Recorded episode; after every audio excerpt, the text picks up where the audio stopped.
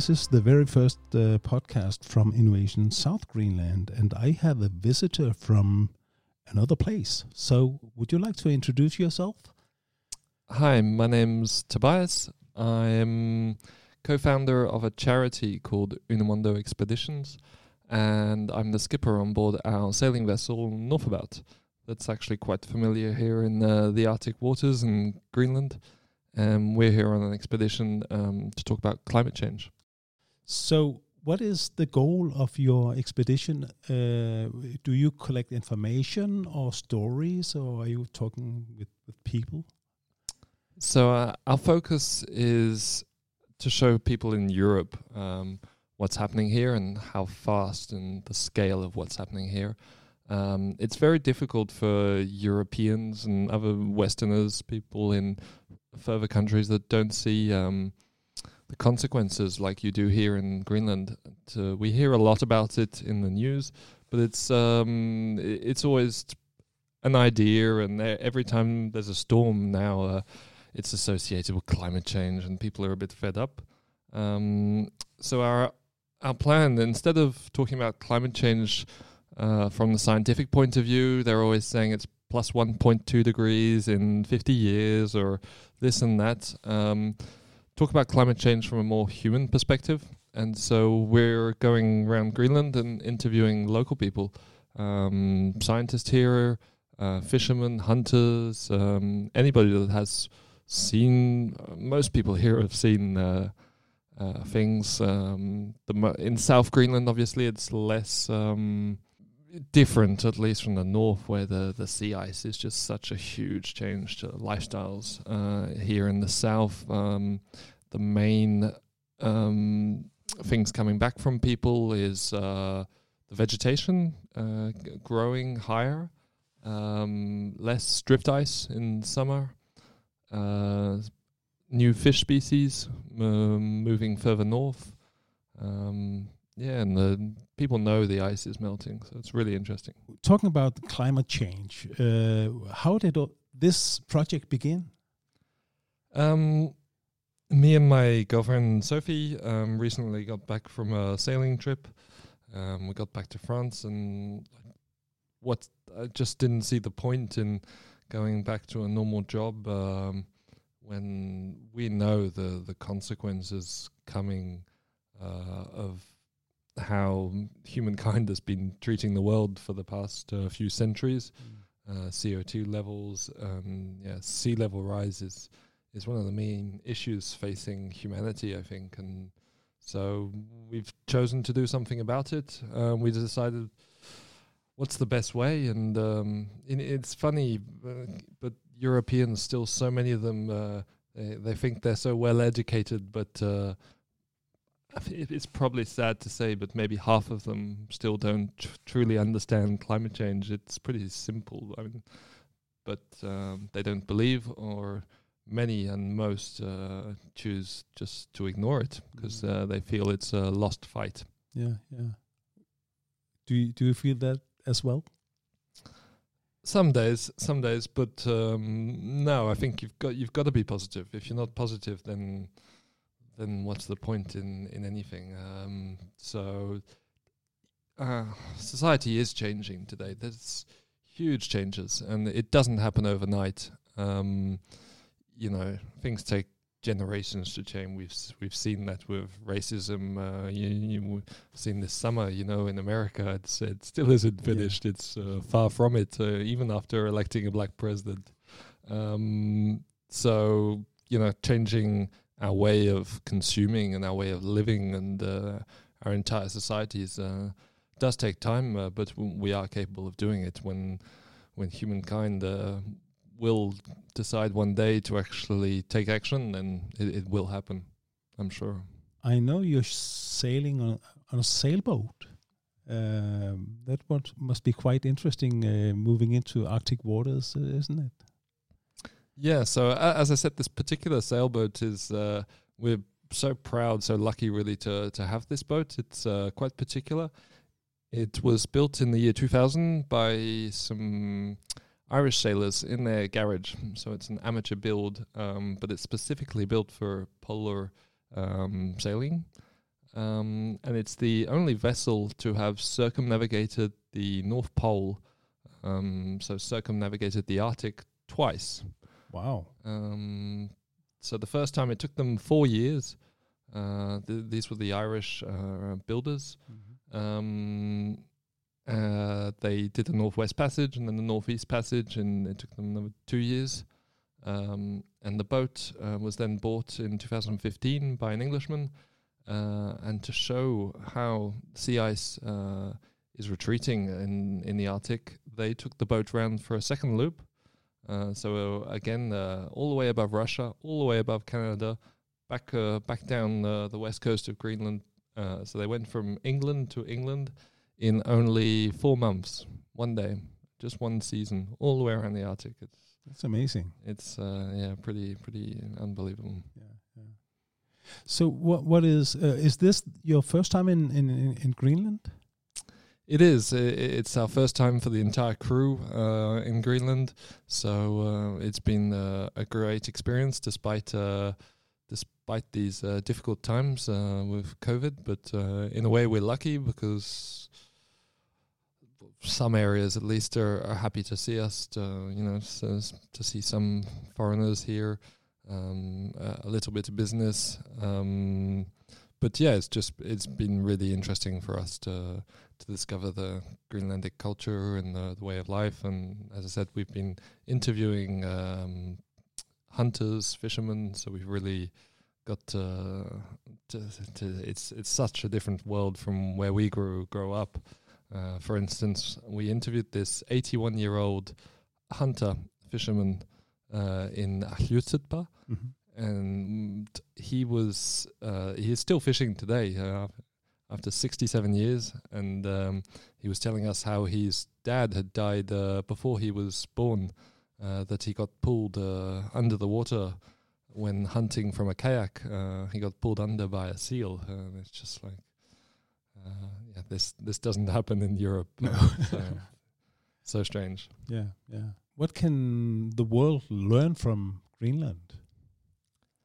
Many many many things uh, i'm sure. Um, i learned myself. I didn't know kayaks uh, were from were a greenlandic invention uh, so um, we learn uh, every day here and uh, and i think on climate change um, greenland can show the ha- has a role to play to you know your the ice is uh, is melting here and the meltwater coming is raising the ocean levels uh, massively. So um, yeah, I'm I'm hoping Greenland will also be a a, a good beacon for for. Uh, I mean, there's so little people here, and the the your, your impact on your environment is uh, is so little. And uh, I know your Greenland is uh, having this big fight at the moment in between moving towards uh, a sort of western, more western uh, way of producing and mining. You desperately need jobs here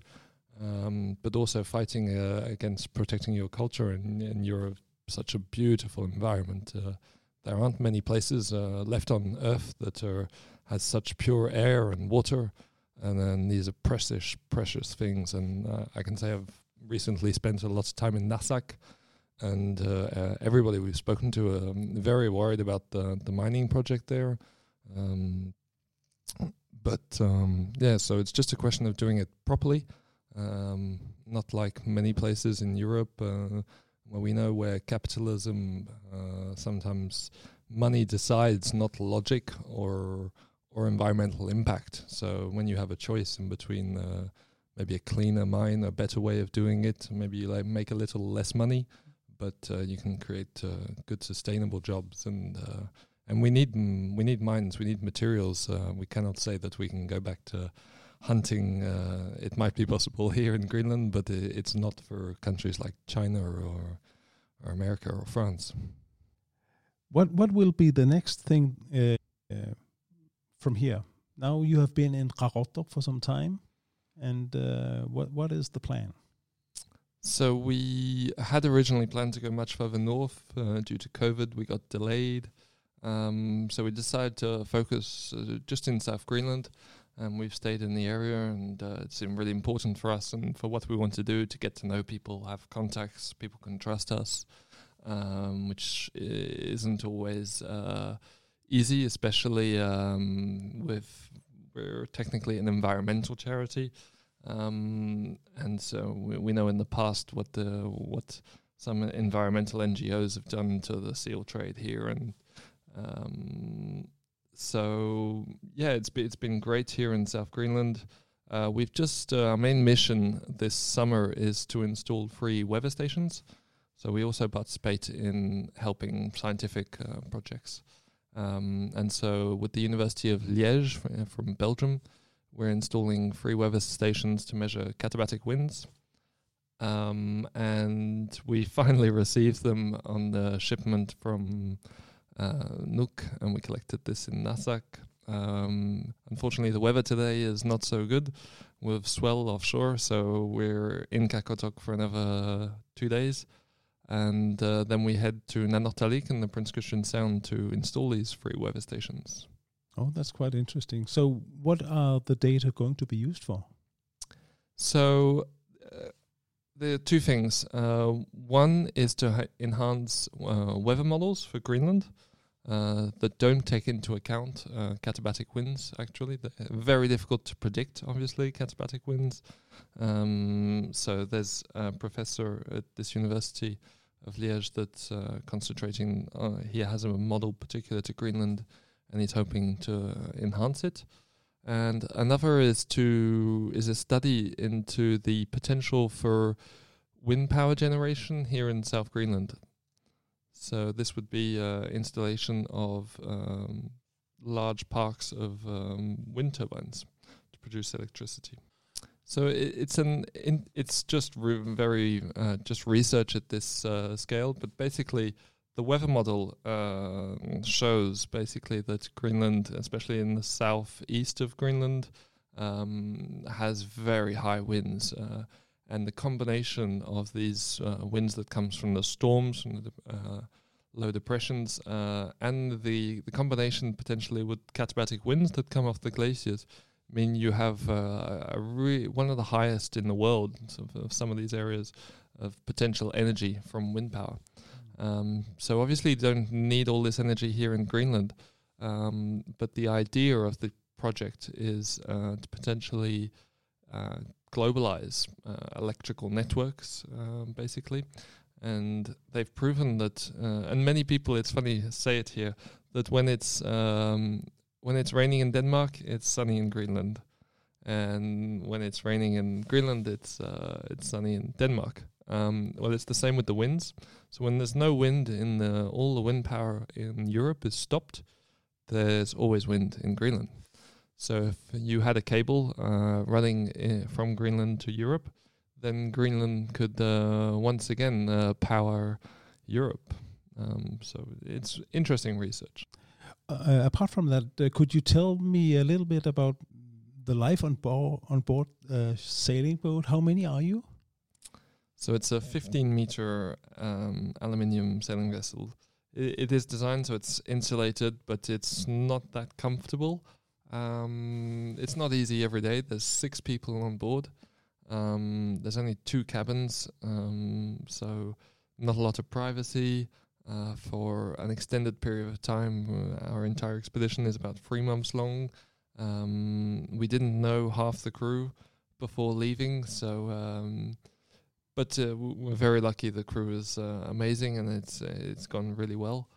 Um, but yeah, I mean the scientist, the camera crew, and me and my girlfriend Sophie, uh, the skippers. Um, we all take turns in cooking and cleaning, and uh, the camera crew also help out with the navigation and uh, coming into port, uh, handling the lines, and uh, think it's uh, interesting for them. They're learning a lot about sailing too. So. So, if if uh, our audience wants to know more about uh, your journey or your scientific uh, results or anything, uh, how can they get into that information? So we have a website. The project is called Unumondo. Um, and so we have a website, unumondo.org. Uh, we're also on Facebook and YouTube. So we've been producing videos uh, every two weeks uh, here in Greenland, which has been quite tough to actually film and, and then uh, produce the video really quite quickly directly from Greenland with uh, not always perfect internet connections. Um, but yeah, please, uh, please do do go have a look at these videos on YouTube. Uh, Unu Mondo Expeditions. Uh, you said something about uh, trees when uh, when we were preparing for this, and uh, could you tell me a little about uh, this? Is is it voluntary work you're doing here in South Greenland? So um, there's a, a, charity called Greenland Trees, and it's only been set up a couple of years ago um, that we found out about, and they we helped them plant 4,000 trees here in South Greenland, in Narsaq, uh, Narsarsuaq, and um, a small uh, little forest that's already been planted here in the 1950s near Narsarsuaq. Um, so there are people here in South Greenland that, uh, not many I don't think, but a few that uh, had really dedicated their lives uh, to planting trees, and a lot of them. Um, and today they're today they're, they're, tall, uh, big trees, and we've seen this small forest uh, that I don't think you can see in many places in Greenland. So, if you do come uh, visit South Greenland, it's uh, an amazing place to to to look at. Even even for me coming from Europe, it was um, quite impressive. Um, so it was really m- we found the project. Uh, it sounded like a great idea, and uh, obviously for um, emissions, than uh, trees do store carbon. They're a natural carbon store. So uh, we wanted to offset part of our emissions of our expedition because we do burn diesel. Uh, there's a, a, lot of wind, but it's never in the right direction, or in the fjords, there's very, very little wind. So we do tend to motor around a lot. So it's been uh, a great experience for about uh, seven to ten days uh, planting trees um, with Greenland trees. It's m- mainly led by uh, a small team of glaciologists uh, that come um, from Denmark uh, to maintain the weather stations on the ice sheet, and they have to rent helicopters to get up there. And I think they they feel bad, and it doesn't take a lot to spend an extra week in Greenland and give back to the community and give back to nature. It's uh, it's strange uh, as a um, as somebody fighting for climate change. Um, I'm trying to persuade people not to travel so much, um, and I myself uh, really try and avoid taking planes. I've taken very, very few. I've traveled a lot in the last few years, but uh, very few planes, and it takes me a long time to get from one place to another.